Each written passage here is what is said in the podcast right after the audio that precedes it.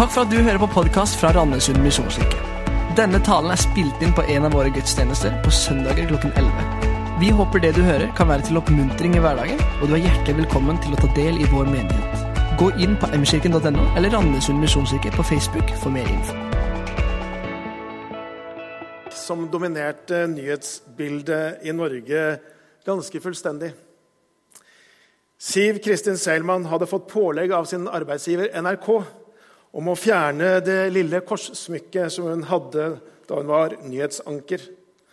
Avisen Vårt Land kunne skrive at de hadde fått én klage på at hun gikk da med dette lille korset på 14 mm.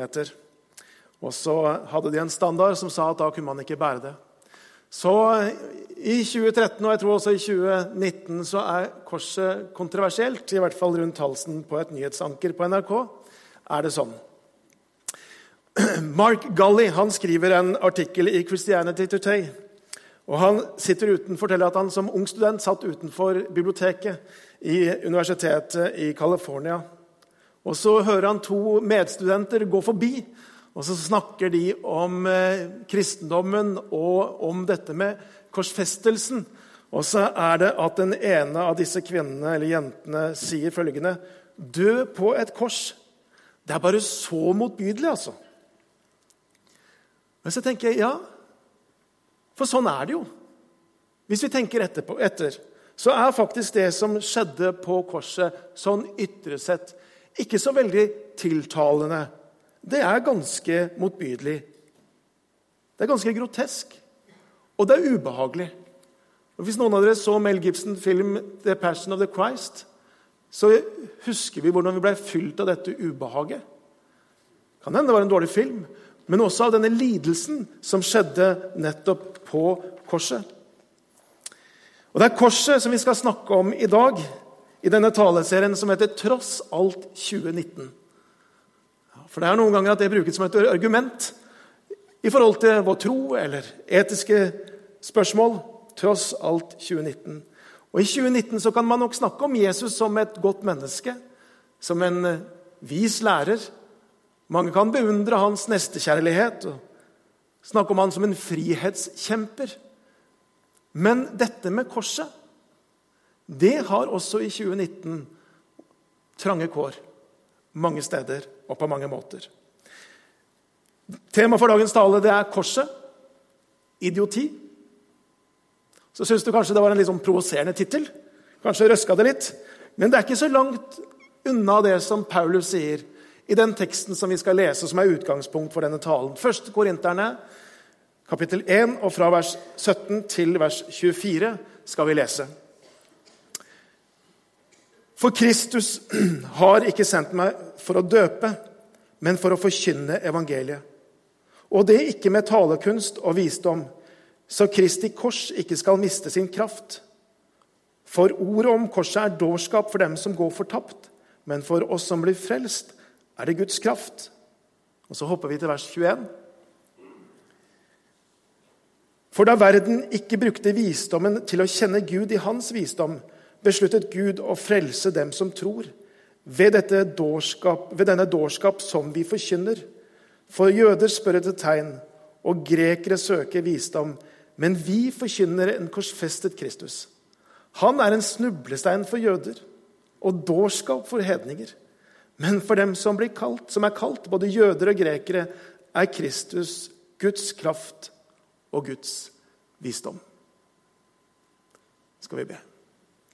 Ja, Herre Far, jeg takker deg for ditt ord. Takk for at vi har det iblant oss, at vi kan dele det og lese det. Og så takker jeg deg også for at du har gitt oss Den hellige ånd som åpenbare ordet for oss. Og vi ber, Herre, at du må åpenbare ordet for den enkelte av oss denne formiddag. Amen. Det første jeg har lyst til å peke på ut ifra denne teksten, her er det som står i vers 23, nemlig at vi forkynner en korsfestet Kristus. Han står det, er en snublestein for jøder og dårskap for hedninger. Og Det er det første punktet jeg har. At korset det er en anstøt og en dårskap. Davidsstjernen det er symbolet for moderne judaisme. Halvmånen er symbolet for islam. Og lotusblomsten symbolet for buddhisme. De store verdensreligionene har alle på en måte tiltalende symboler. Ikke sant? Det er snakk om lys, om liv, om vitalitet. Stjerne, halvmåne eller måne og blomst. Mens kristendommen er kjent og identifisert ved et redskap som ble brukt til henrettelse. Korset er dødens symbol, nederlagets symbol, foraktens symbol. Og så er jo spørsmålet hvorfor er det sånn? Korsfestelse var en grusom henrettelsesmetode som romerne trolig har arva fra katarerne. En henrettelsesmetode som er på en måte designa for at man skal gjøre både lidelsen så langtekkelig som mulig. Det kunne ta dager å dø på et kors. Og virkelig sånn at de skulle bli, på en måte oppleve forakten fra folk. Og de ble strippa for det meste av klærne, og de ble hengende der til spott og spe og skrekk og advarsel. Og så ble det brukt da på de verste forbrytelsene. Landssvik, forræderi, opprørere. Det var liksom et sein, tegn for alle at liksom sånn går det hvis dere går mot den romerske makt. Vi leste i 1. Korinterbrev i den teksten i vers 23 hvor det står at korset er et snublestein for jødene. I Bibelselskapets tidligere oversettelse så har ordet 'anstøt' eller 'anstøtelig' vært brukt. Og Jødene på Jesus tid de lengtet etter en Messias. De lengter etter en, en konge. Den sterke mannen som skulle sette seg på Davids trone, og som kunne overvinne den romerske makten og kaste dem på dør. De lengtet etter en Messias. En sterk Messias. Og Når Jesus rir inn den siste påsken han lever i Jerusalem, på palmesøndag, ja, så, så, tenker nok folket kan det være han? Kan det være denne Jesus fra Nasaret som er denne Messias som vi lengter etter? Og så roper de Hosianna. Og Så skjønner de ganske fort at nei, det var nok ikke han. Og Når de ser Jesus dø der på korset, så var det selve beviset for dem. At han kunne jo ikke være Messias. For Messias skulle jo være denne sterke kongen, denne krigeren. Og her henger det en svak figur ja, som tapte alt der i møte med den romerske makten. Han kan ikke være Messias. Umulig. Kristus er jo den greske formen for Messias. ikke sant? Og John Stott sier det som står i vår tekst, nemlig 'Kristus korsfestet'. Han sier at det er en selvmotsigelse for en jøde. Det er som å snakke om stekt is. Ja, du kan ikke være en korsfestet Kristus. Tvert imot så, så de at den som er hengt på et tre, er forbannet av Gud. Han var under Guds forbannelse. Og så sier Paulus at sånn er det. Og jeg tenker Paulus må ha gått i mange synagoger og forsøkt å fortelle dem at Jesus er Messias. Så bare kan de peke på korset og si nei, det er umulig. Det kan ikke være sånn. Og Så sier Paulus videre at det er dårskap for hedningene, for jødene, for romerne. De som har sine stolte, sterke myter. Ja, Som har en kultur av en måte heltedyrkelse og seier og konkurranse. Og så ser de korset som representerer det totale nederlag. Alt annet enn en helt. Og hans død er jo ikke en sånn der, si sånn heltmodig, sånn som Sokrates, som tømmer sitt giftbeger. Liksom stolt. Eller som en kriger som faller i krig etter å ha gitt sitt liv for sitt land og sitt folk. Det er jo ikke en sånn død.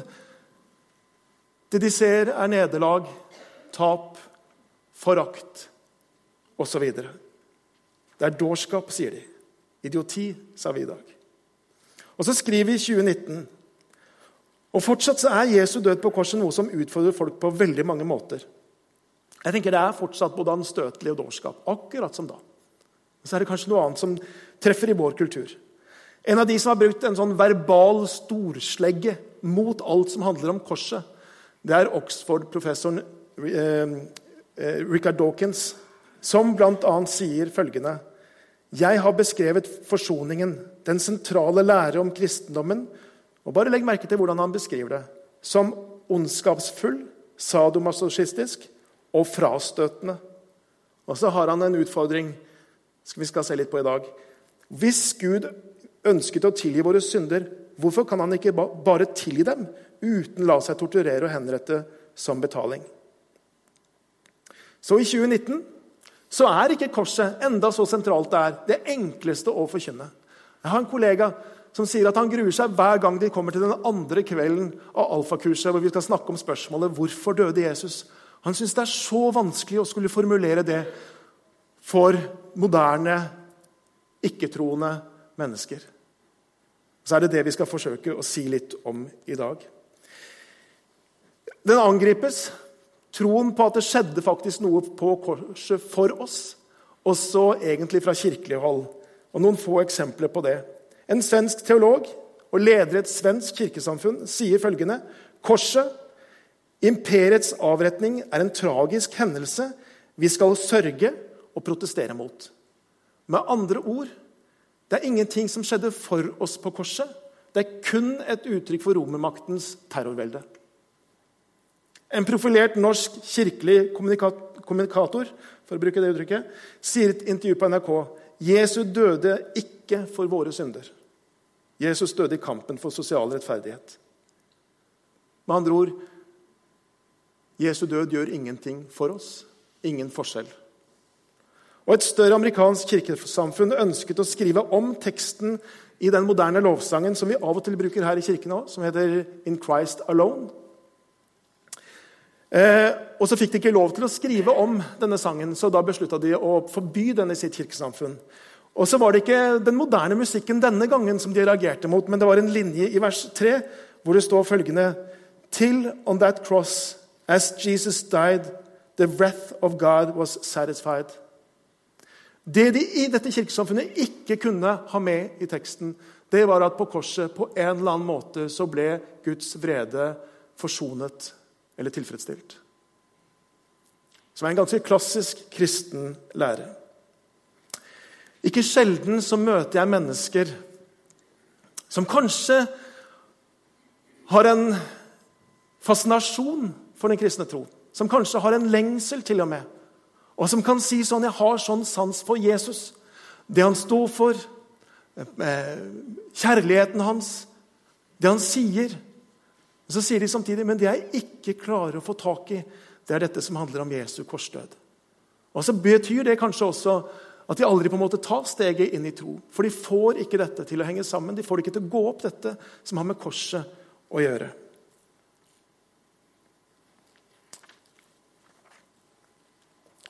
I teksten som vi leste, så sier Paulus at korset er, har dette anstøtet i seg. Det ser ut som dårskap, sier Paulus. Men nettopp i dette så ligger det også en enorm styrke. Han sier, For da verden ikke brukte visdommen til å kjenne Gud i hans visdom, besluttet Gud å frelse dem som tror, ved den dårskap som vi forkynner.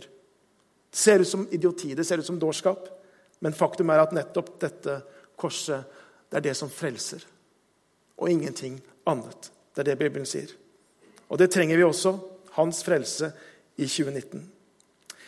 Men skal vi forstå korset, så må vi forstå én ting, og det er hva vi trenger frelse fra. Og Vi er nødt til å snakke om synd. Og Vi kan ikke snakke om kors uten å snakke om synd. Og Om korset har dårlige kår i 2019, så har synd kanskje det i enda større grad. Det er ikke lett å snakke om.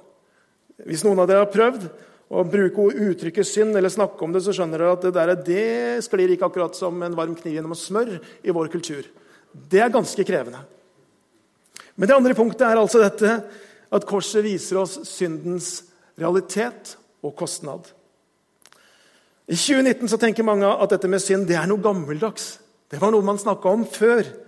Det sekulære mennesket setter seg selv i sentrum og ikke Gud. Og mennesket i en sekulær livsfilosofi ja, da handler det om å være tro mot seg selv. Det handler om å sette sin egen standard. Og Det er ganske betegnende at sangen 'I Did It My Way' er den mest brukte sangen i britiske begravelser for tiden.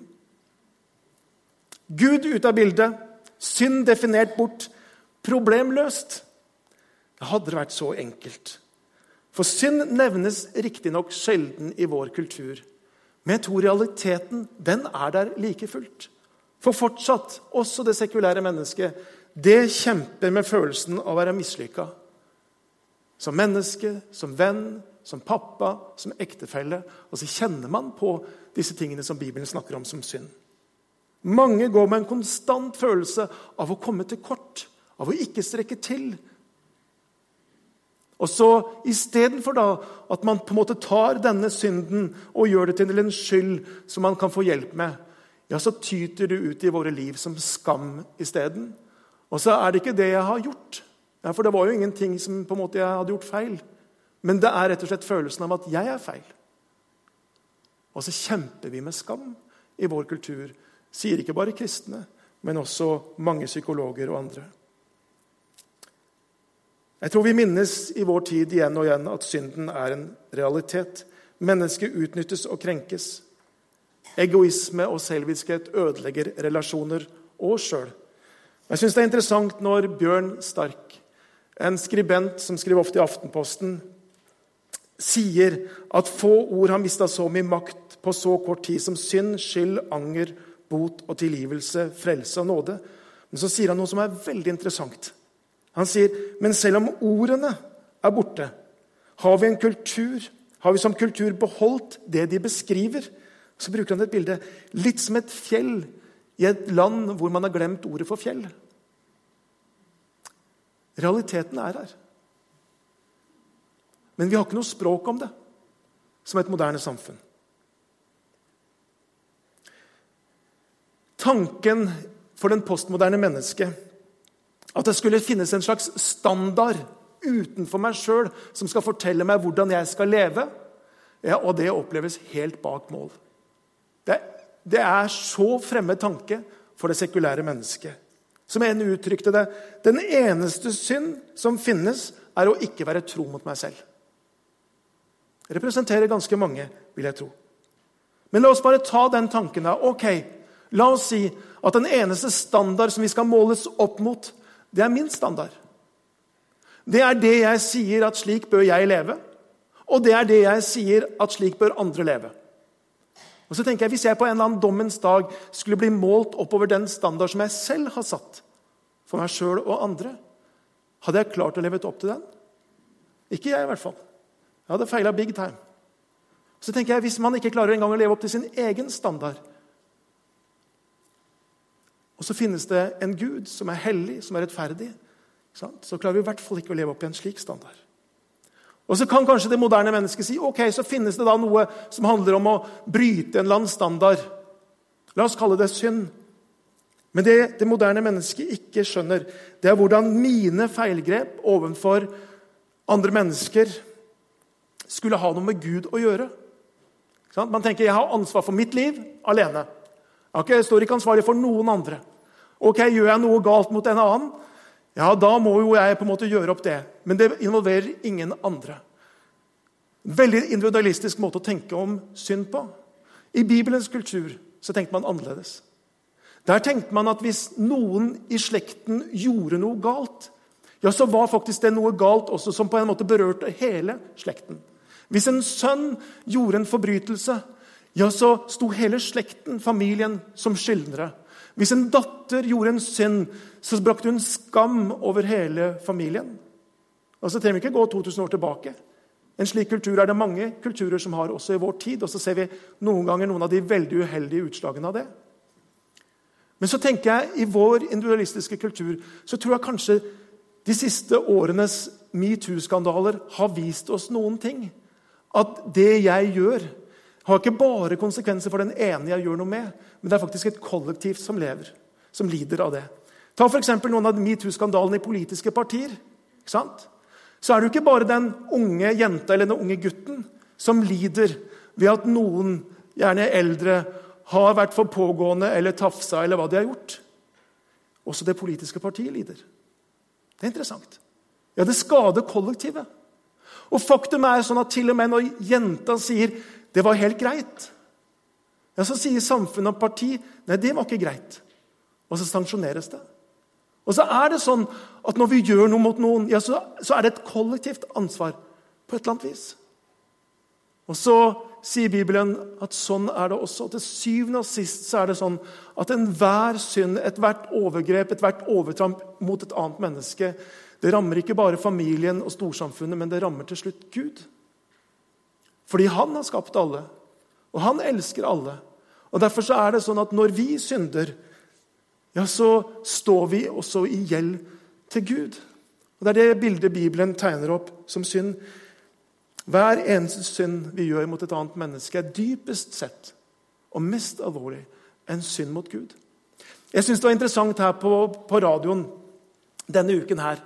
Så, så, hørte jeg en debatt om rettsprosess for de nedkjempa IS-krigerne.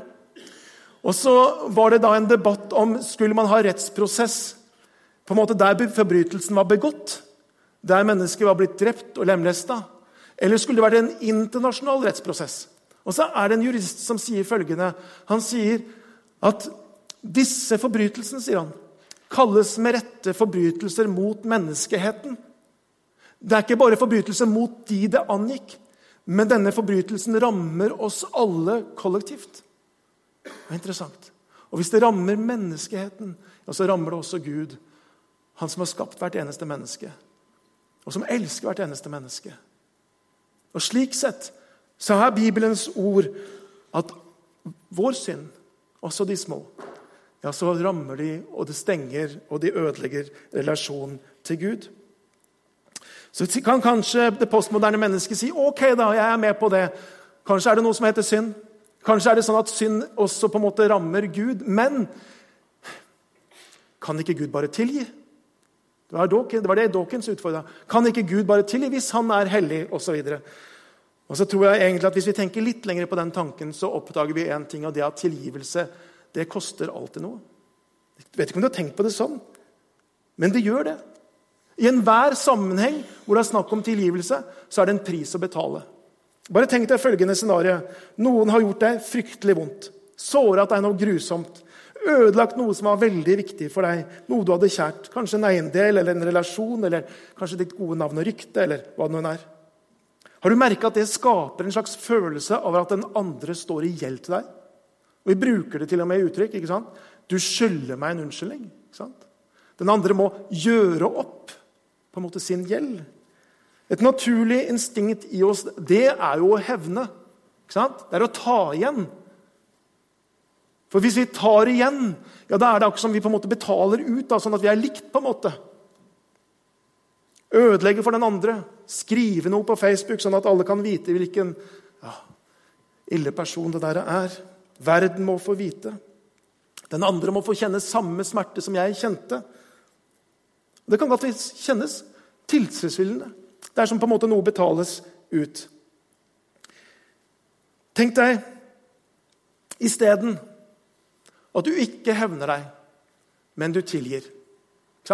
Du, du, har så lyst til bare å ødelegge noe for den andre. Stripe i bilen med nøkkelen, eller, eller legge noe ut på Facebook sånn at de andre skal se, eller, eller fortelle til, til, andre hva vedkommende har gjort. Eller, sånn at du på en måte får ramma vedkommende. Og så har vi så lyst til det. Vi må ta igjen. Bibelen kaller det hevn. Og så står det noe om at ja, om det kan føles kanskje godt en kort stund, så er det sånn at Går vi den veien, ja, så blir vi harde som mennesker. Vi blir mindre menneskelige. Og så til slutt så er det vi som betaler en høyere pris enn den vi ønska å ramme. Det er en annen tale. Men det er en annen vei å gå, og det er tilgivelse. Men hvis vi tilgir, så koster det noe av oss. Det å oppgi hevn, det er en pris å betale. Og Noen ganger så kommer vi i en sånn situasjon hvor vi tenker vet du, jeg makter ikke å tilgi. Jeg på en måte har ikke kapital nok i mitt liv til å tilgi.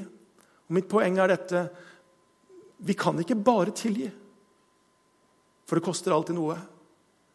Og den som da er offer, bærer prisen for det som overgriperen har gjort, hvis man tilgir.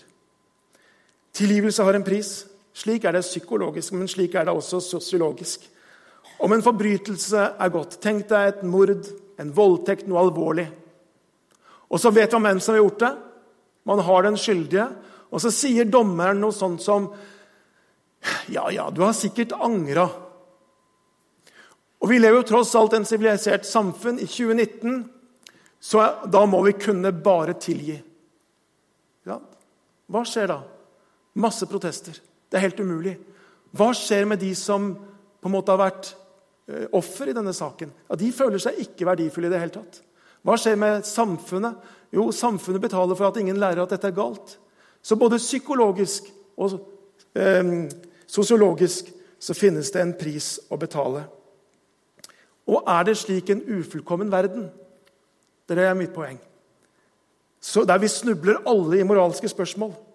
Hvor mye mer er det ikke slik overfor Gud? Som er hellig, som er rettferdig, uten mørke, pur kjærlighet. Om Gud bare tilgir, så betyr det at Gud lar ofrene betale prisen. Derfor så kan ikke Gud det. Synd er nødt til å sones. Synd er nødt til å betales. Noen må betale den prisen. Vi snakker om korset i dag. Det ser ut som dårskap, men det er Guds visdom. Det ser ut som svakhet, men det er Guds kraft. Det ser ut som nederlag, men det er frelse. Så hvordan henger dette sammen? Siste punkt i dag det er korset, Guds kraft og visdom. Og Det står det i vers 24.: Men for dem som er kalt, både jøder og grekere, er Kristus Guds kraft og Guds visdom. Som en konsekvens av menneskets iboende grunnskade har vi en tendens til å ødelegge rundt oss. Vi ødelegger relasjoner rundt oss med egoisme, med selviskhet. Vi ødelegger miljøet rundt oss med at vi bare tenker på oss sjøl her og nå, og ikke på vår neste generasjon. Vi har en tendens til å ødelegge ganske mye rundt oss. Og så ser vi mange eksempler på det i samfunnet. Og Bibelen snakker om dette som synd, og Bibelen sier at den dårlige nyheten det er dette, at alle har synda og har ingen del i Guds herlighet. Mangler Guds herlighet. Det er den dårlige nyheten. Synd ødelegger ikke bare relasjoner mellom mennesker. Det gjør synd alltid. Synd ødelegger alltid relasjoner mellom mennesker. Har du lagt merke til at hvis du har baktalt noen, og så møter du plutselig det mennesket du har baktalt, så plutselig så er det noe her? Ja. Vet ikke, men det finnes noe her. Synd ødelegger alltid relasjoner mellom mennesker. Men det ødelegger også relasjoner til Gud. Som jeg har sett på Gud til syvende og sist den vi forbryter oss mot. Og Bibelen har mange beskrivelser på hvordan dette på en måte er, hvordan dette henger sammen. Og Bibelen snakker om noen av disse ødelegge konsekvensene. Det er døden. Bibelen sier at syndens lønn er døden. Det snakker om at vi står i gjeld. Det snakkes om et gjeldsbrev. Synd genererer en skyld fra vår side. Og Det finnes et gjeldsbrev hvor vi mennesker er i bunnløs gjeld. Det er et bilde. Det er snakk om vrede. Ja, Det står faktisk det. At når vi lever borte fra Gud, så er Guds vrede er og forblir over oss. står det. Guds vrede. Det står noe om at vi er slaver. Den som gjør synd, er slave under synden. Vi er ufrie, sier Bibelen. Og så er dette Det er jo ikke en hyggelig liste. Men Bibelen sier at dette er noe av det som er syndens ramsalte konsekvenser over liv. Og så har Gud dette umulige dilemmaet. Han er hellig, han er rettferdig. Han kan ikke se gjennom fingrene når mennesket blir torturert og drept. Han kan ikke la folkemord passere. Han kan ikke la de rike utbytte de fattige uten at det får noen som helst konsekvenser. Han kan ikke bare tilgi, for det er alltid noen som betaler den prisen. Og er det ikke overgriperen, så er det offeret. Han kan heller ikke la våre små synder passere. Våre små baktalelser, våre hånlige latter og heva øyebryn. Det rammer også et menneske og kan drepe og ødelegge. Alle har syndet, sier Bibelen. Ingen av oss holder oss til Guds standard. Slik vi heller ikke klarer å holde vår egen standard. Så Det er den ene siden av dilemmaet. Men den andre siden av dilemmaet, hva er det? Jo, det er at Gud elsker så utrolig høyt hvert eneste menneske på denne jord som lever, og som har levd, og som kommer til å leve. For så høyt har Gud elsket verden, står det i den lille Bibelen. Det er denne 'reckless love' som vi sang om i stad. Som på en måte gjør alt. Og Gud vil at hver eneste en skal finne fram til Han. Han vil at alle skal bli frelst og lære sannheten å kjenne, står det i 1. Tim 2,4. Det er det han vil. Og så er det på en måte et sånt uløselig dilemma. En gordisk knute. Hvordan skal han løse den? Og så er løsningen dette at han sender Jesus Kristus. Sann Gud, sant menneske. Guds enbårne sønn, født inn i vår verden. Levde her under samme kår som oss. Levde et liv, men uten synd. Uten eh, egoisme. Uten ulydighet. Og når, korset, når han da dør på korset, så dør Jesus en uskyldig død. Han hadde ikke fortjent det. På korset så dør han i vårt sted. Og Bibelen sier det sånn Han som ikke visste av synd, har han gjort til synd for oss, for at vi i ham skulle få Guds rettferdighet. Og Når Jesus roper ut på korset i fortvilelse 'Min Gud, min Gud, hvorfor har du forlatt meg?' For han ble forlatt der på korset, til og med av sin far. Ja, Så var det jo ikke han som hadde fortjent å blitt forlatt av Gud. Det var vi, med våre synder, som hadde vendt ryggen til Gud og fortjente sånn sett å bli forlatt av ham. Jesus dør i vårt sted. Straffen som han fikk, var det vi som hadde egentlig skulle hatt. 700 år før Jesus dør, så sier profeten Jesaja men han ble såret for våre lovbrudd, knust for våre synder. Straffen lå på ham. Vi fikk fred. Ved hans sår ble vi helbredet.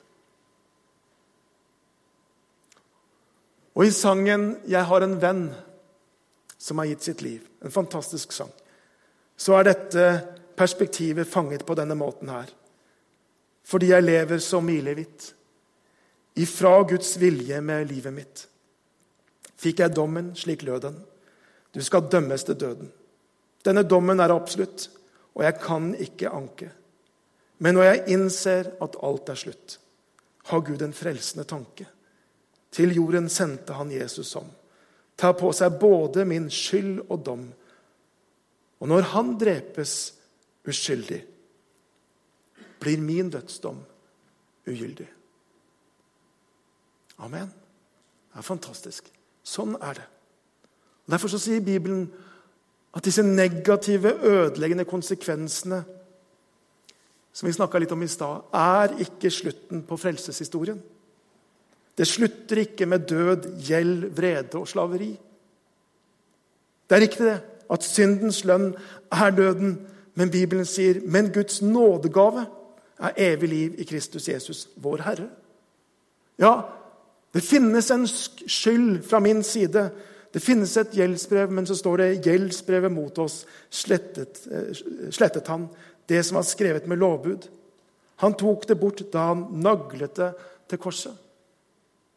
Ja, det var en vrede over de ulydige. Men det står også i dette samme verset at den som tror på Sønnen, har evig liv. Og det er riktig, den som gjør synd, blir slave under synden. Men det står også at ufortjent og Hans nåde blir de erklært rettferdige, frikjøpt i Kristus Jesus. Det er sannheten om oss. Det er vår historie, vi som tar vår tilflukt til korset. Der møter vi Guds nåde, der møter vi Hans tilgivelse. Der får vi evig liv. Der blir vi skyldfrie. Der kommer vi under Guds velsignelse.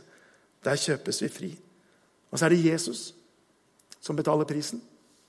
For noen må betale den prisen, men det er Jesus som betaler den. Jeg tror også at det moderne mennesket anno 2019 trenger å erfare nåde og tilgivelse.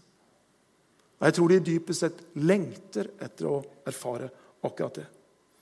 Og Det er interessant hva Bjørn Sterk, som jeg siterte i stad, også skriver i, skriver i boken som har undertittelen 'En ateist skriver om Jesus'. Han er ingen kristen, men han sier følgende Kristne hadde både synd og frelse. Vi postkristne har synd uten frelse, synd uten tilgivelse, synd uten nåde. Det må det bli trøbbel av. Kanskje er dette noe av årsaken til at man i dag kan si ting som Jeg har oppført meg som en idiot, men jeg angrer ikke. Jeg står for det. For hvor skal man gå med angeren? Og Så har ikke Bjørn Stark noe svar på det, men det har vi. Vi har et sted å gå. Vi kan gå til korset. Vi kan gå til Jesu fullkomne soning, hans død på korset. Om det å unngå en evig dom handlet om å ikke gjøre måte, det vonde, ja, så kan jeg jo aldri vite hvor den der grensen går. Hvor lite vondt er nok til på en måte å falle utenfor. Om det å unngå en evig dom handlet om at jeg må gjøre nok godt, så kan jeg jo aldri vite hva er nok godt. Og så blir jeg levende i en ødeleggende uvisshet. Og Sånn er det mange religiøse mennesker i ulike religioner som nettopp lever. De aner ikke, de vet ikke. Hvis jeg som en troende kommer i tvil, og så tenker jeg Holder det, det jeg tror på? Er det nok, dette her? På en måte Kommer Gud til å se på meg og si 'velkommen inn', 'velkommen hjem'? Og så kan jeg se ett sted. Jeg kan se på korset. Og så er det et ubetinget ja. Ikke for at jeg har fått til noe som helst, men fordi at han har gjort det for meg. Ikke for at jeg har kunnet betale den prisen, men fordi han betalte den for meg. Ikke fordi at jeg er rettferdig, men jeg får lov til å leve i hans rettferdighet. Og så får jeg del i den.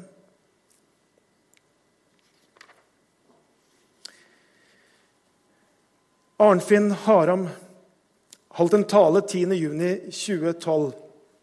Jeg har lyst til å lese noen, eh, noe fra den talen. Han sier følgende.: Brødre og søstre. I et samfunn der Gud er blitt mindre enn menneske, har vi vanskelig for å forstå at det trengs noe offer. At vi kan være skyldige, ja, skyldige til døden. At noen skulle måtte gå i døden og ofre seg for oss. Å argumentere for det er som å så på asfalt. Det er det jeg prøvde å gjøre i dag, da. Så fortsetter han. Jeg vil bare si for min egen del en dag, en dag som kan være når som helst, men som iallfall rykker nærmere hver dag som går, skal jeg stå for min skaper. Jeg veit vil trenge alt som kan gjøres for at jeg skal finne nåde og kunne stå oppreist da. Aller mest det Kristus har gjort da han ga seg sjøl for oss, for meg. Da trenger jeg å stole på det blod som roper sterkere enn Abels blod, Kristi blod, som roper om kjærleik, nåde og oppgjør, som sier det er fullført, det er plass for alle. Og Så går det bare noen få timer etter at Arnfinn holder denne talen. Så sykler han inn i Nordmarka, og så får han et stort hjerteinfarkt, og så dør han. Bare noen timer etter dette. Og så ble det hans siste, i hvert fall offentlige ord. Og så ser vi hva som lå på hans hjerte. Han visste at om han står der en dag, så kan han hvile på det som Jesus har gjort. Så kan han hvile på det. Og jeg tenker at Når vi skjønner dette, at Jesus døde i mitt sted Når på en måte denne visdommen, som, som Paulus kaller det Når vi skjønner at det, det ser ut som dårskap, men det er visdom. Det ser ut som svakhet, men det er kraft. Når vi skjønner det, når Gud åpenbarer det i våre liv, så er det ingenting som blir som før. Alt blir annerledes. Alt blir annerledes. Korset viser oss Guds hellige rettferd og hans grenseløse kjærlighet på en gang. Korset møter meg i mine dypeste skuffelser over meg sjøl, og så løfter det meg opp. Korset gir meg trosvisshet og fyller meg med en takknemlighet. Korset er der jeg kan gå med mine ferskeste nederlag. Korset gjør at jeg vil leve for ham, og ikke for noe annet. Og Når vi samles som menighet, så samles vi ikke fordi vi får det til, fordi vi er perfekte. Men vi samles på grunn av korset. Det er korset som samler oss til gudstjeneste, til fellesskap, og som skal snart samle oss til Herrens måltid. Fordi han, han ga sitt liv for oss. Skal vi be. Kjære Jesus Kristus.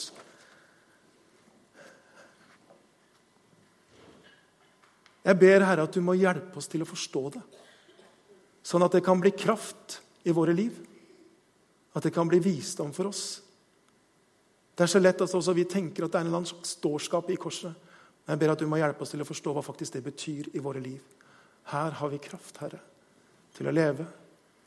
Kraft til å dø. I Jesu navn. Amen.